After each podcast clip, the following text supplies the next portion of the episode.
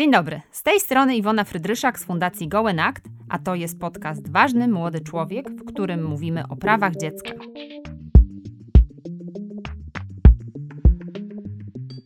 Każda i każdy z nas ma wpływ na poszanowanie lub łamanie praw dzieci żyjących na całym świecie. I właśnie o tym rozmawiamy z ekspertami i ekspertkami w tym temacie. Podcast jest częścią projektu finansowanego z funduszy EOG w ramach programu Aktywni Obywatele Fundusz Regionalny.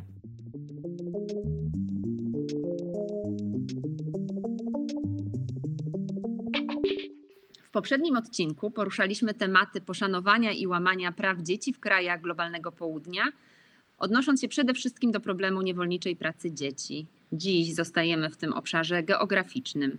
Moją rozmówczynią jest dr Urszula Markowska-Manista, a rozmawiać będziemy o potrzebie dekolonizacji współczesnych badań nad prawami dzieci. Dzień dobry. E, dzień dobry, dzień dobry, witam Państwa serdecznie, witam również wszystkie dzieci, jeżeli nas słuchają. Prowadzisz badania terenowe i partycypacyjne w Afryce Środkowej, w rogu Afryki, na Kaukazie oraz wśród osób z doświadczeniem migracji w Europie. Pracujesz na, na Wydziale Pedagogicznym Uniwersytetu Warszawskiego, współpracujesz z Zespołem Międzynarodowych Studiów nad Dzieciństwem i Prawami Dzieci na Uniwersytecie Nauk Stosowanych w Poczdamie.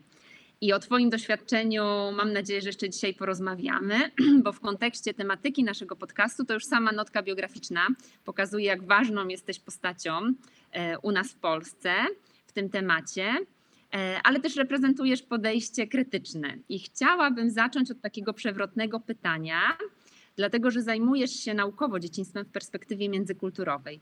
Czy zatem istnieją kultury, w których e, prawa dziecka nie są potrzebne? Dziękuję za, za to pytanie. Dla mnie jest to pytanie przewrotne, ponieważ e, jest to pytanie z perspektywy osób dorosłych i pytanie z Europy.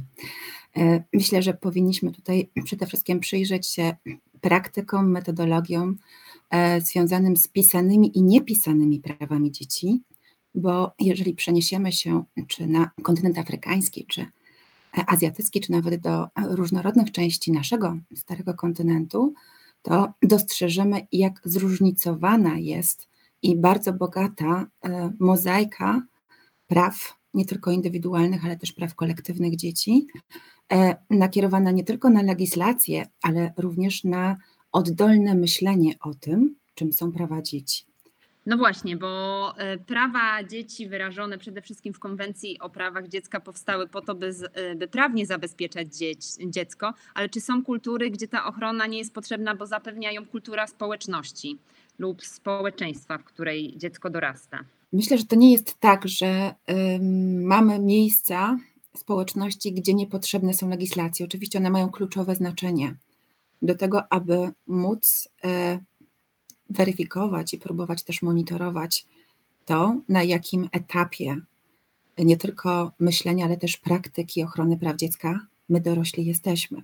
Tutaj chodzi o e, troszeczkę inny wymiar, o to, w jaki sposób społeczności, e, różnorodne kultury e, w toku rozwoju zaprojektowały swoje własne mechanizmy ochrony, protekcji i też partycypacji dzieci w sprawach ich dotyczących.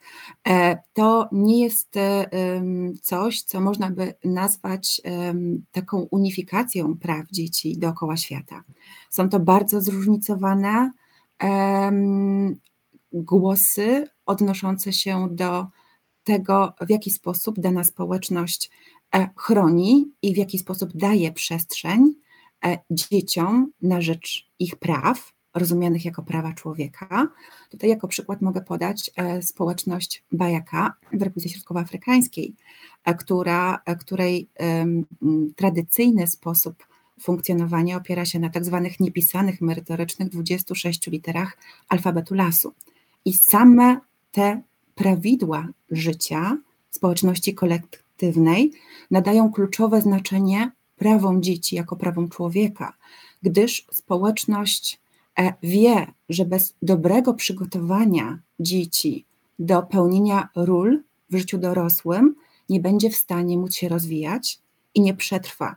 Stąd tak ważne jest chociażby w tej społeczności zwrócenie uwagi na świadomość małego człowieka do e, mm, partycypacji świadomość bycia częścią wspólnoty i świadomość również poprzez bycie częścią wspólnoty próby realizowania aktywności we współpracy ze społecznością oraz zrozumienia, jak ważna jestem jako jednostka, ponieważ bez mojego uczestnictwa w codziennych aktywnościach ta relacja może nie zadziałać, może się posypać, możemy e, mieć bardzo dużo problemów, jeżeli nie będziemy siebie szanować oraz nie będziemy mieć możliwości, aby wspólnie partycypować na rzecz naszego rozwoju i ochrony naszych praw.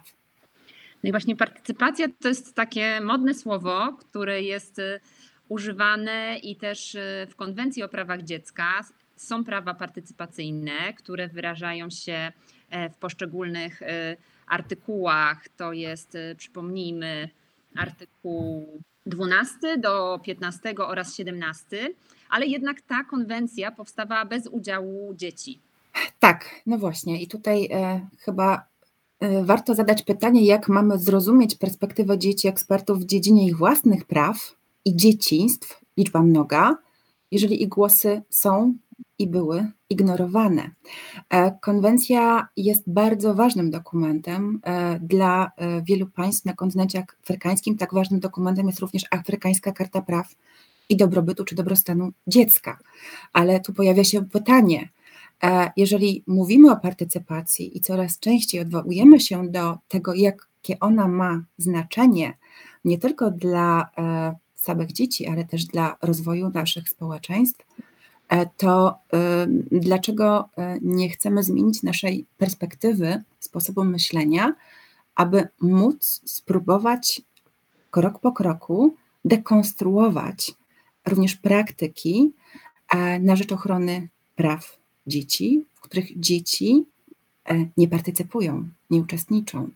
E, mm, historycznie dzieci nie e, były obecne przy powstawaniu konwencji. Oczywiście to jest kwestia, oczywiście i specyfika tamtej epoki, ale dziś mamy bardzo dużo przestrzeni. Mówimy o partycypacji, mówimy o mechanizmach gwarantującym dzieciom ich prawa do praw.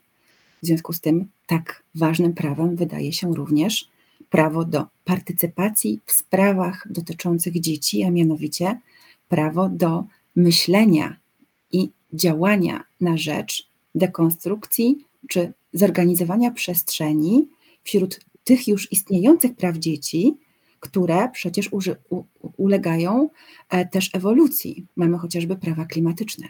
Mamy dzisiaj ogromną debatę na temat e, tego, E, co zrobić z prawami ekonomicznymi dzieci. Przecież one są gwarantowane w konwencji, ale pytanie, dlaczego do 2025 roku chcemy zakazać pracy dzieci w sposób, który sprawi, że ogromne grupy dzieci i ich rodzin stracą możliwość godnego życia i funkcjonowania w środowiskach swojego codziennego życia.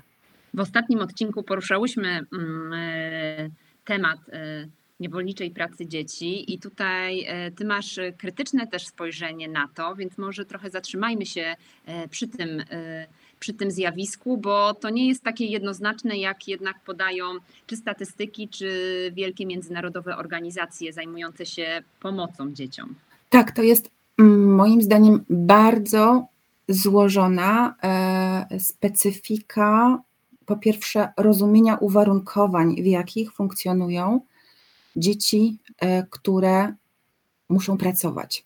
Oczywiście ja nie jestem zwolenniczką pracy dzieci, ale jeżeli przyjrzymy się, e, jak skonstruowany jest świat dzieci pracujących, e, chociażby w Ameryce Łacińskiej czy w krajach afrykańskich, to mamy tam również grupy dzieci, które nie są niewolnikami, i mi przede wszystkim w tych e, kwestiach związanych z e, niezakazywaniem całkowitym pracy dzieci, chodzi o grupy dzieci, które tak jak w krajach Ameryki Łacińskiej, chociażby Boliwia e, czy Kolumbia, walczyło o swoje prawa pracownicze, mają ubezpieczenia, mają przestrzeń do tego, aby chodzić do szkoły, a z drugiej strony również mają gwarancję do tego, aby e, w, w różnych trudnych sytuacjach móc otrzymać odszkodowanie. I te dzieci utrzymują swoje wielopokoleniowe rodziny.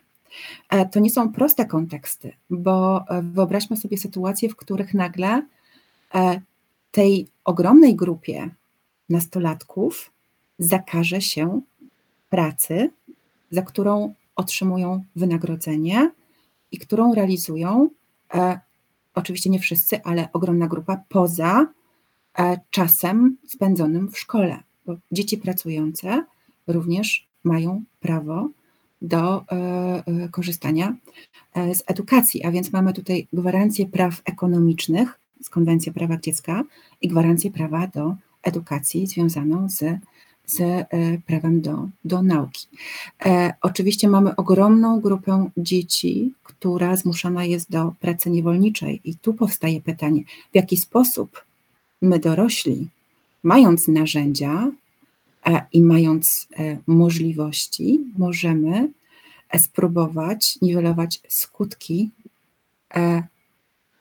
niewolniczej pracy dzieci i zakazać takiej pracy. To nie jest kwestia e, decyzji dziecka, to jest kwestia e, globalnych zależności i uwarunkowań związanych z tym, jakimi konsumentami na co dzień my dorośli, chociaż w krajach Unii Europejskiej jesteśmy. I tutaj e, też ważnym takim elementem jest warstwa językowa, bo też słownictwo, którym ciągle się posługujemy, nie upodmiatawia dzieci, E, i nie wskazuje właśnie na te problemy, źródło, źródło tych problemów, czyli mówimy dzieci ulicy, dzieci e, pracujące, sieroty, e, dzieci żołnierzy i, i to też jest ważny element, o którym myślę, że warto tutaj porozmawiać. Tak, oczywiście.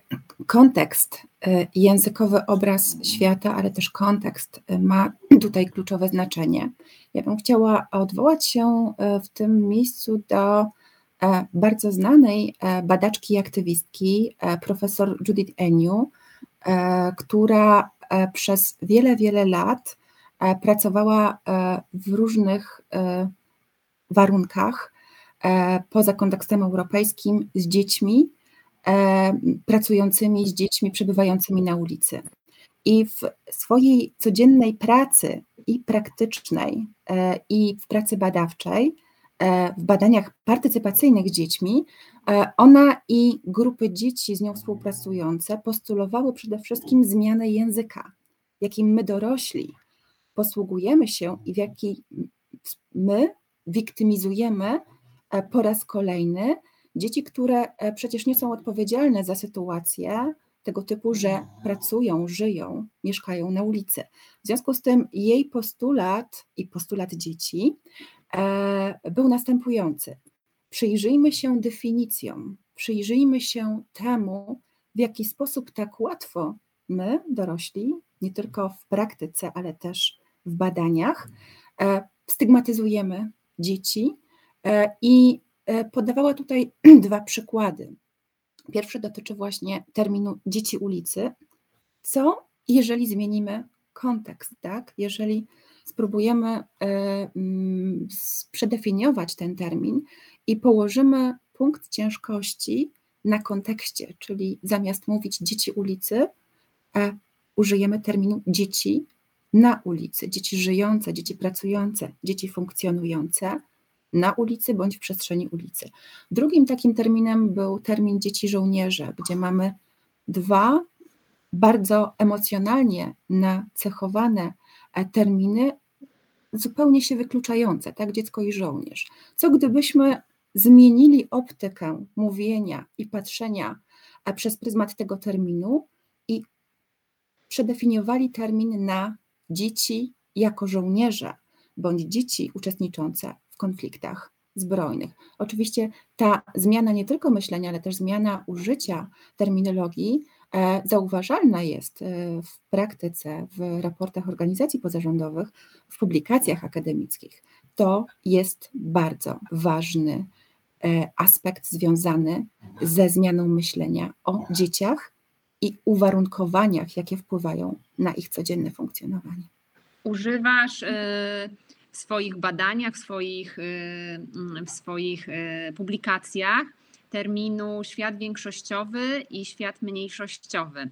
E, co on oznacza? Co, co oznaczają te terminy? Bo już tutaj w naszych odcinkach pojawia się termin globalna północ, globalne południe. Teraz mamy świat większościowy, świat mniejszościowy. Wcześniej były kraje rozwijające się, więc, e, więc opowiedz może o tych definicjach, żebyśmy miały ze słuchaczami, słuchaczkami wspólny grunt.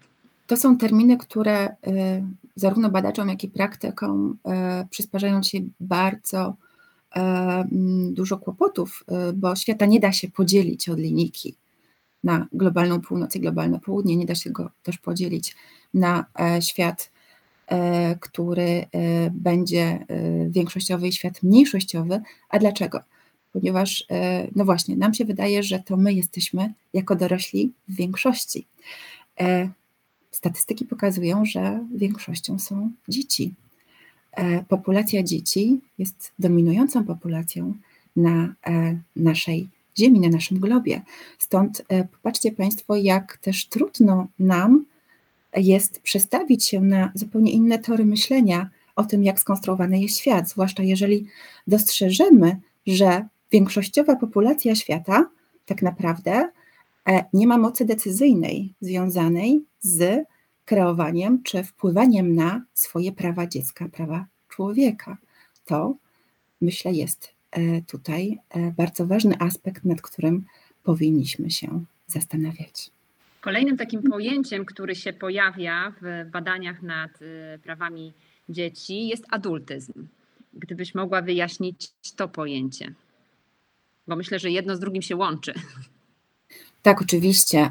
Adultyzm jest to przede wszystkim przekonanie, e, które pokazuje, że dzieci są własnością dorosłych. E, jest to przekonanie, które e, pokazuje, że dzieci jako mali ludzie są bardzo mocno uzależnieni od uwarunkowań, jakie stworzyli i stwarzają dorośli, i przekonanie dotyczące tego, że ich prawa czy ich funkcjonowanie e, nie znajduje się na takim samym poziomie, na jakim znajdują się e, prawa dorosłych i możliwość funkcjonowania e, osób dorosłych. Jest to termin, który dzisiaj ma ogromne znaczenie dla zrozumienia asymetrii związanych z funkcjonowaniem dzieci i dorosłych oraz pokazuje, jak mocno w praktykach ale też w badaniach, dzieci są e, na tej pozycji e, określanej jako niższa, określanej jako uzależniona od osób i decyzji dorosłych.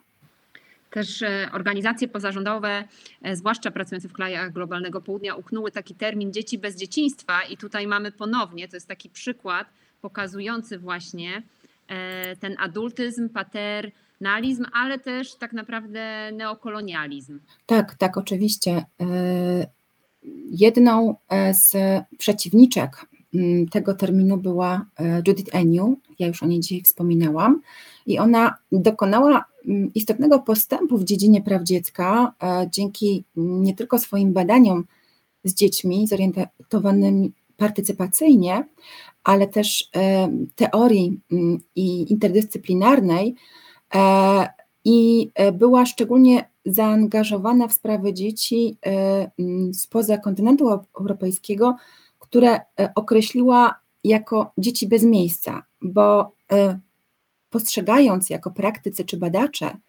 dzieci, których warunki i sposoby życia są dalekie od zachodnich wyobrażeń, o dzieciństwach na kontynencie europejskim, my e, używamy bardzo często podwójnych standardów, tak? Nieświadomie e, wiktymizujemy bądź właśnie stygmatyzujemy przez pryzmat naszych ukutych definicji i naszych podejść. E, staramy się wtłoczyć zarówno dzieciństwa, jak i samo kwestię tego, kim jest dziecko, poza kontekstem europejskim, w nasze europejskie definicje.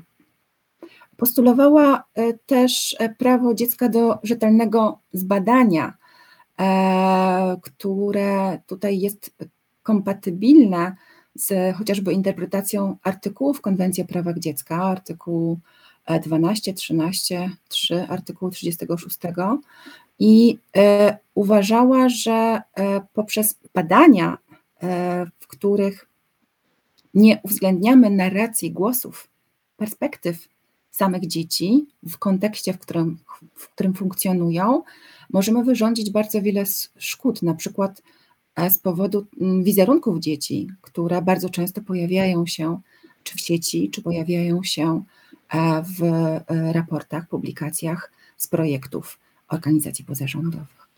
O wizerunku dzieci na pewno jeszcze zrobimy odcinek, bo to jest bardzo ważny temat i też jednak nasza świadomość społeczna jest nie do końca, y, nie, nie, nie mamy do końca świadomości właśnie jak tego wizerunku używać albo nie używać. Natomiast tu chciałabym jeszcze nawiązać do partycypacji, bo wspominałam, że to jest dosyć modne określenie i agencje ONZ, między innymi UNICEF czy organizacje pozarządowe e, wspierają mocno partycypację. Ale tutaj ponownie to jest ta nasza perspektywa dorosłych, bo zapominamy o tym, że w niektórych kontekstach kulturowych e, tak naprawdę pojawia się opór związany z partycypacją i brakiem e, poszanowania dla lokalnych kultur, gdzie na przykład hierarchia wiekowa jest niezwykle ważna. Więc tutaj znowu w tej partycypacji, w tej modzie na partycypację ulegamy takiemu zagrożeniu mm, związanemu e, z tym właśnie, że, e, że nie przyglądamy się e, kulturom, w które chcemy wdrożyć tą partycypację. Więc tutaj są właśnie takie trochę praktyki kolonialne lub misjonarskie, z którymi to się kojarzy wielu kulturom. Tak, ja myślę, że tutaj bardzo ważne będą tak zwane nieinwazyjne metody i podejścia do praktyk, badań i działań oparte na prawach dzieci w badaniach z dziećmi. I nie mówimy tutaj tylko i wyłącznie o tej literalnej, legislacyjnej warstwie praw, ale mówimy też tutaj o prawach niepisanych i o niestosowaniu podwójnych standardów, z którymi niestety e, również dzisiaj możemy się zderzyć, wchodząc na strony internetowe e, różnych organizacji czy, czy grup wyznaniowych, gdzie no, prezentowane są wizerunki dzieci ozdabiające kampanie fundraisingowe, bądź prezentowane chociażby na kalendarzach. e, i plakatach. E, profesor Manfred Liebel, e, badacz i, i aktywista, badacz terenowy i aktywista, który również prowadzi badania partycypacyjne z dziećmi i z młodzieżą, głównie e, w krajach Ameryki Łacińskiej, Boliwia, e, Kolumbia, e, Nikaragua. On stworzył takie cztery warunki i podejścia oparte na nieinwazyjnych działaniach i badaniach we współpracy z dziećmi, dotyczące po pierwsze przestrzeni, a więc etycznej przestrzeni, czy etycznych gwarancji i bezpieczeństwa dla przestrzeni, w których realizujemy projekt czy praktyczny, czy, czy badawczy, w której dzieci e, bądź młodzi ludzie uczestniczący w naszych e, aktywnościach e, będą czuły się bezpiecznie i swobodnie, w której to przestrzeni zagwarantujemy im prawo do praw, a więc również prawo do ochrony wizerunku i prawo do ochrony głosów, narracji. One są ważne, ale pytanie, dlaczego tak często nie chcemy zwrócić uwagi na to, że e, te prawo do praw jest uniwersalne i również dzieci e, spoza kontekstu europejskiego e, muszą wyrazić zgodę na to, aby ich narracje, ich wizerunki znalazły się w publikacjach czy na stronach internetowych instytucji czy organizacji pozarządowych. Drugim warunkiem była obecność osób dorosłych w tego typu działaniach, którzy są gotowi i zdolni do partycypacji, a więc do przyjęcia, przejęcia roli współpracowników, mentorów, osób, które będą wspierać dzieci i młodzież e, w działaniach ich dotyczących. Czyli chodzi tutaj o taki model, w którym dorośli są konsultantami i współuczestniczą w działaniach czy badaniach, towarzyszą dzieciom w takim duchu właśnie solidarności, ale nie kierują i nie manipulują tym w jaki sposób dzieci i młodzież będzie w tego typu projektach uczestniczyła. I trzeci warunek dotyczy przygotowania dzieci i młodzieży do uczestnictwa w tego typu badaniach, czyli e, pokazania, w czym dzieci mogą uczestniczyć i zapytania, czy chcą w tego typu aktywnościach brać udział. To też uważam jest bardzo e, ważny aspekt e, projektów, które realizowane są w ramach pomocy rozwojowej, w, no właśnie w kontekście pozaeuropejskim.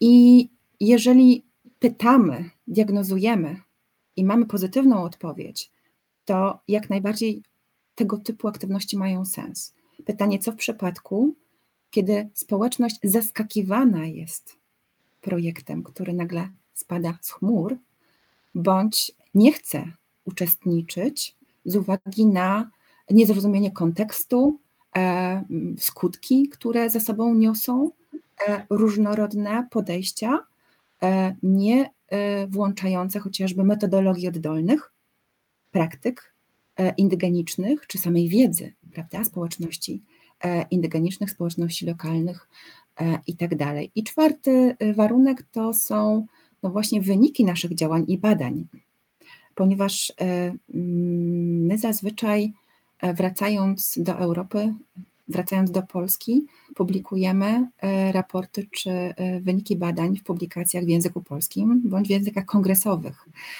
I tu pojawia się pytanie o to, jak społeczności, które brały udział w naszych projektach badawczych czy praktycznych, mogą dowiedzieć się, bo przecież mają prawo, podzieliły się z nami swoją codziennością, mają e, prawo dowiedzieć się w swoich językach narodowych, językach lokalnych czy w dialektach, e, e, co tak naprawdę jest finalnym rezultatem naszych działań i badań i jak to się przekłada na ich dalsze funkcjonowanie.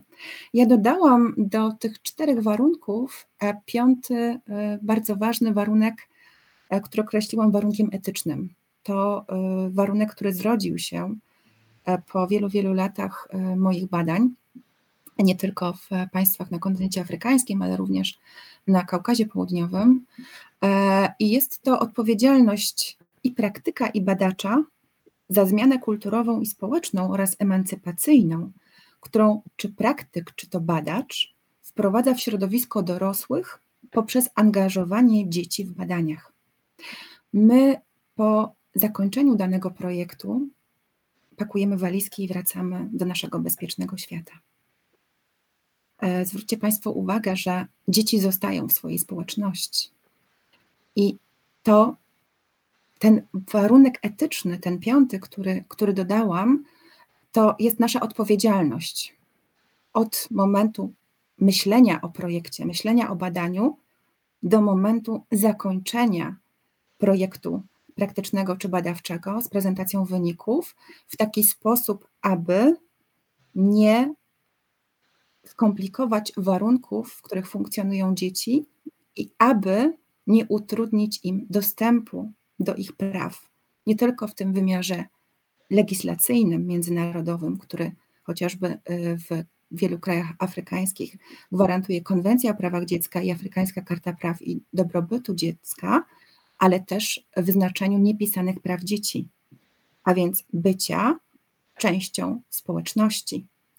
Nie kupimy biletów y, i nie wsadzimy całej grupy dzieci która doświadczyłaby chociażby e, trudnych sytuacji w naszych projektach, e, nie wsadzimy ich do samolotu. To nie ma sensu i to też nie jest naszym zadaniem. Naszym zadaniem jest odpowiedzialność etyczna za każdy element realizacji działań wraz z dziećmi i społecznościami, w których poza kontekstem europejskim realizujemy nasze przedsięwzięcia praktyczne i badawcze. To niezwykle trudny aspekt, myślę, tej odpowiedzialności. E, czy, jak to zrobić tak naprawdę, e, żeby tych dzieci właśnie nie pozostawiać e, po takim badaniu niezaopiekowanych czy niegotowych Więc y, jakie są wyzwania, ale też y, metody, żeby właśnie tą etyczność zachować w pracy badacza czy no, praktyka? E, Pierwsza kwestia to do, dobre przygotowanie. Oczywiście to nie jest takie proste i to się nie dzieje od tak e, w kilka tygodni. Często na dobre przygotowanie potrzebne są lata. E, kwestia znajomości realiów, kontekstów, ale też świadomość zgody grupy czy społeczności na udział w projekcie czy w badaniach. To ma ogromne znaczenie. Dzisiaj obserwujemy chociażby e, czy e, w Kanadzie, czy Australii, Nowej Zelandii e, mm, oddolne działania społeczności, które przygotowują listę obostrzeń i informacji dotyczących ich decyzji o tym, kogo wpuszczą jako praktyka bądź badacza do swojej społeczności. E, jest to bardzo ważna kwestia, kwestia pokazująca sprawczość, kwestia pokazująca również świadomość swoich praw. E, ja myślę, że tutaj y, może takie błahe porównanie, ale ono byłoby istotne.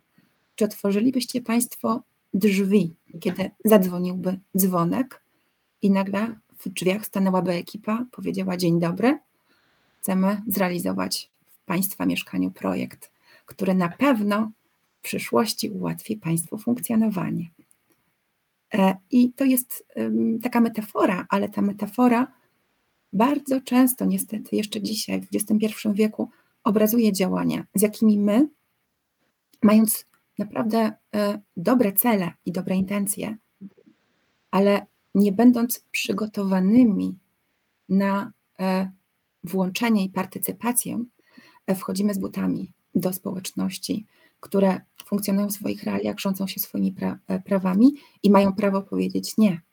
Niestety bardzo często to nie słyszane jest dopiero w momencie, kiedy e, obserwujemy czy zderzamy się z trudnościami i komplikacjami w realizacji różnorodnych działań w projektach tak praktycznych, jak i projektach badawczych. Drugi aspekt dotyczy krytycznej autorefleksji dotyczącej nierówności władzy i świadomości tego, e, no właśnie, czy e, to, że mam marzenie, aby zrealizować takie działania i przyświeca mi szczytny cel, to czy ta nierówność władzy w relacji ja społeczność, tak, E, e, społeczeństwa większościowe, mniejszościowe, dorosłe dzieci przypadkiem nie zaburzy realiów komunikacyjnych, a później również e, nie będzie utrudniała codziennego funkcjonowania w projekcie, a dwa, funkcjonowania dorosłych i dzieci ze społeczności, która być może nie będzie zgadzała się z podejściem dekonstruującym ich codzienne życie, czy nawet wskazującym, jak ważne są te literalne prawa dziecka. Oczywiście e, one mają ogromne znaczenie, ale jeżeli my nie przygotujemy się e, i nie będziemy mieć możliwości, aby po wyrażonej przez daną grupę zgodzie przygotować również tą grupę do współpracy, efektywnej współpracy, to w tym momencie same zasady etyczne nam nie wystarczą. Dwa, E, musimy też zwrócić uwagę na to, jak rozumiemy praktykę e, współpracy czy badań z dziećmi. Czy jest to tylko poszerzanie wiedzy i przyczynianie się do zmian, czy jest to być może też przeciwdziałanie praktykom adultystycznym w naszych społeczeństwach? I ostatnia, oczywiście lista jest długa, ale ostatnia kwestia dotyczy tego, jak w tego typu realiach i uwarunkowaniach możemy wzmacniać społeczną pozycję dzieci jako uczestników, którzy świadomie wyrazili zgodę na uczestnictwo w tego typu działaniach oraz e, wzmacnianie społecznej pozycji dzieci w ich społecznościach przy akceptacji osób dorosłych.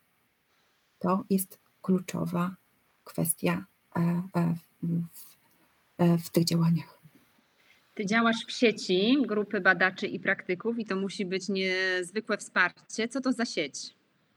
To nie jest jedna sieć, e, to jest e, kilka grup. E, ja jestem tym szczęśliwcem, który kilka lat temu został zaproszony, zostałam zaproszona do współpracy w ramach organizacji pozarządowej założonej przez dzieci i dorosłych we Francji, Paryżu. I ta organizacja realizuje, z uwagi teraz na pandemię, działania nakierowane na sprawczość dzieci i aktywizm dzieci e, na e, e, różnych kontynentach. Współpracuję tam jako badaczka z grupą fantastycznych młodych ludzi z całego świata.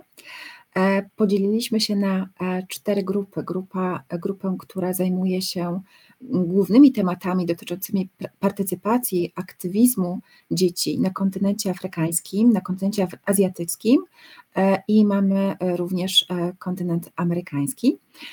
I to dzieci, młodzi ludzie, oni sami inicjują tematy, którymi chcą się zająć w ramach międzynarodowych seminarium, warsztatów.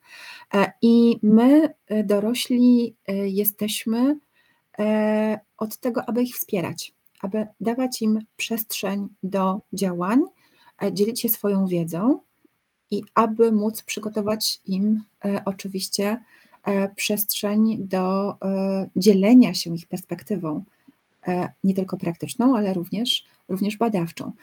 Przykładem tego typu działania jest konferencja z 2000 2019 roku, która miała miejsce e, we Francji, e, nakierowana na e, aktywizm dzieci, na prawa, prawo dziecka do, do bycia aktywnymi.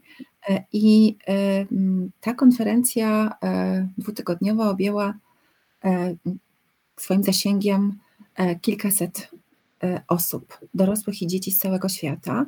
Myśmy przez dwa tygodnie na zasadach e, partycypacyjnych uczyli się od siebie, realizowaliśmy e, warsztaty, seminaria, e, wykłady. Dzieci, młodzi ludzie byli naszymi głównymi mówcami.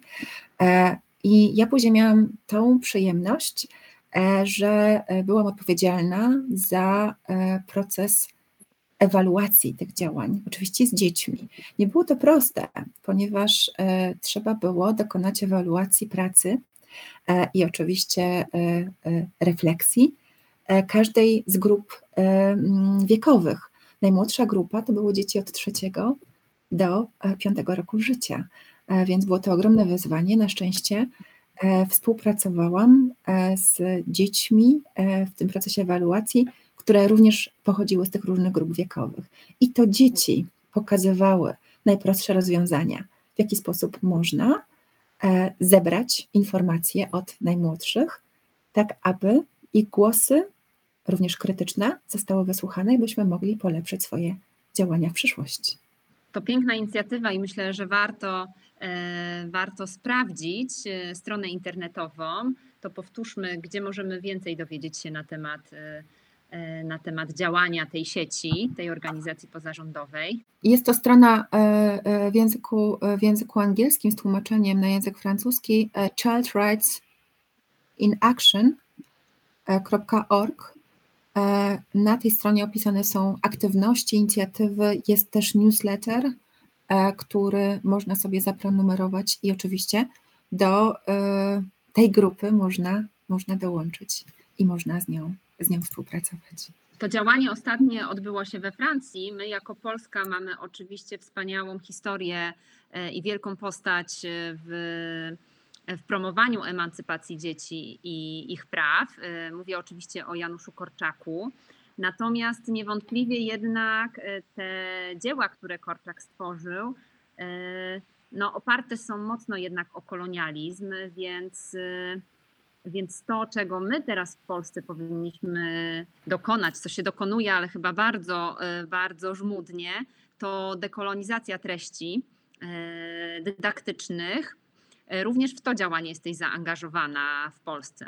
Może nie tyle w Polsce, ponieważ mamy fantastycznych e, mm, przedstawicieli e, tego podejścia, jakimi są chociażby autorzy E, książek dla dzieci, rodzice dzieci dwukulturowych, Myślę tutaj chociażby o Jamesie Omolo, który niedawno wydał nową książkę dla dzieci o tym, dlaczego się różnimy i w jaki sposób różnić się, opierając na prawach dziecka ale e, też ja jestem zaangażowana e, przede wszystkim e, w to podejście dekolonizacji we współpracy badawczej z kolegami z Uniwersytetu Brighton w Wielkiej Brytanii, w Niemczech na Uniwersytecie Stosowanych Nauk Społecznych w Poczdamie.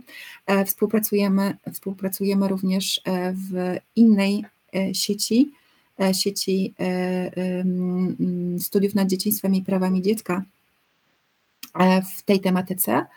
I e, dekolonizacja tutaj e, ona obejmuje nie tylko próbę przyjrzenia się treściom i wizerunkom prezentowanym na kartach chociażby książek literatury pięknej, literatury, która jest omawiana i czytana w szkole, ale dekolonizacja obejmuje też to, w jaki sposób my myślimy i dlaczego właśnie w taki sposób myślimy o innych, ich środowiskach życia.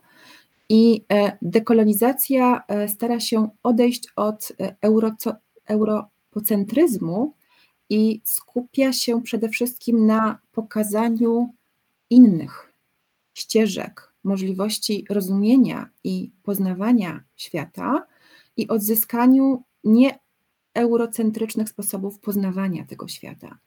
E, ona e, jest ściśle związana z tak zwaną kategorią niesprawiedliwości epistemicznej, czyli dyskryminacji e, pewnych form wiedzy lub samej wiedzy, która w wielu przypadkach została nam w sposób kolonialny przybliżona i pokazana.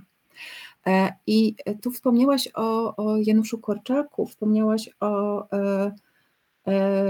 Zapewne miałaś na myśli małego króla Maciusia, prawda? Tak, dokładnie.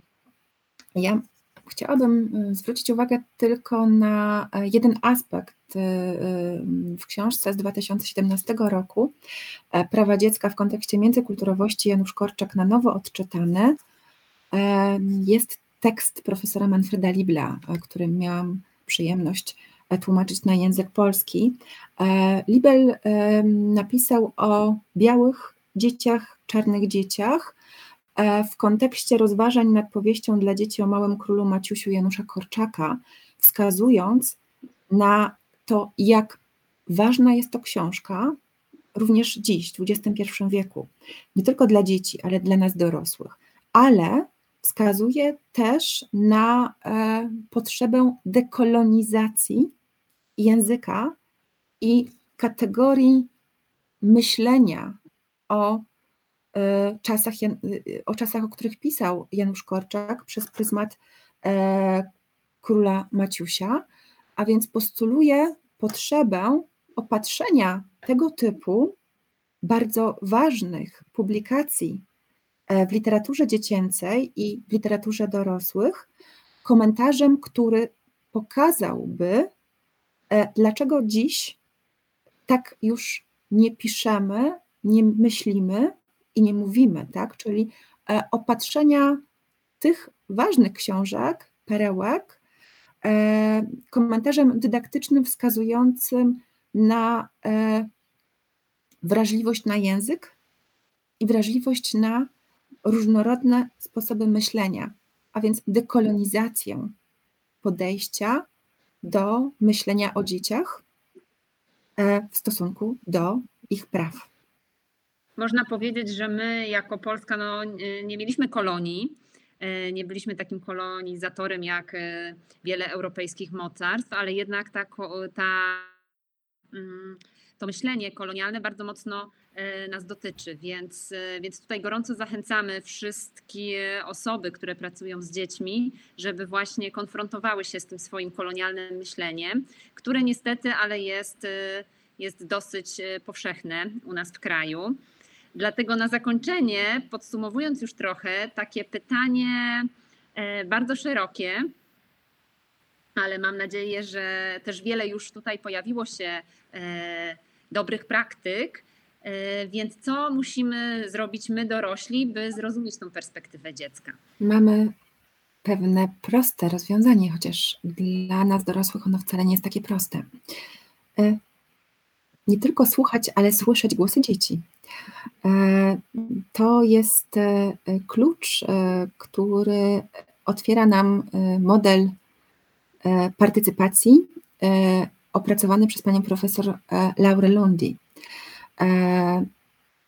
I w tym modelu mamy do czynienia z takimi czterema e, e, kluczowymi puzzlami, które określają ramy dziecięcego prawa do głosu i do bycia wysłuchanym. E, one są nazywane czterema krokami praw dziecka do partycypacji. Pierwszy z nich to przestrzeń, w której dzieci mogą swobodnie i w bezpiecznych warunkach formułować i wyrażać swoje zdanie.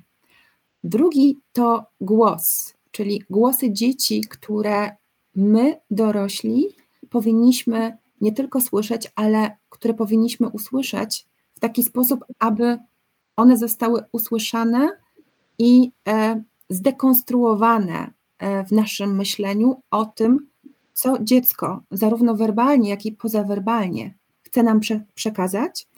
E, I trzeci puzzle to odbiorcy, czyli my, dorośli, E, I pytanie, czy jesteśmy gotowi wysłuchać, wsłuchać się w te głosy? I czwarty puzzle dotyczy wpływu, czyli tego, w jaki sposób my, słysząc głosy dzieci, e, będziemy w stanie te głosy przetworzyć na praktykę przyjazną dzieciom, a więc włączać dzieci w działania dotyczące ich codzienności, i ten wpływ to istotny czynnik współpracy pomiędzy dziećmi a dorosłymi oraz dorosłymi i dorosłymi.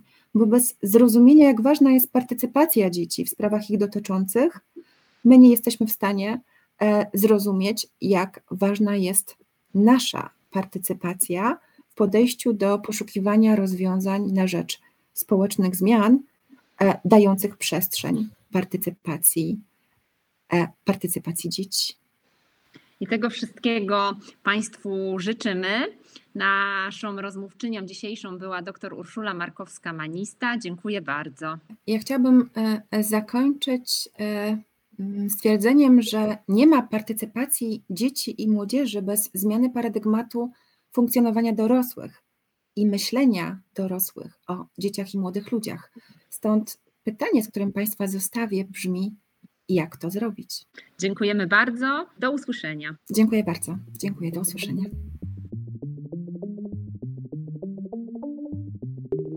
Wysłuchali Państwo podcastu realizowanego przez Fundację Goen Act. Prowadzimy w niej działania z zakresu praw dziecka, edukacji dla pokoju i integracji społecznej. Serdecznie zachęcamy do wsparcia nas na Patronite oraz do zakupów w naszym internetowym sklepie charytatywnym na dobrą sprawę. Za realizację techniczną odpowiada Jan Chrzan, a koordynatorką projektu jest Aleksandra Stachura. Dziękujemy, że jesteście z nami.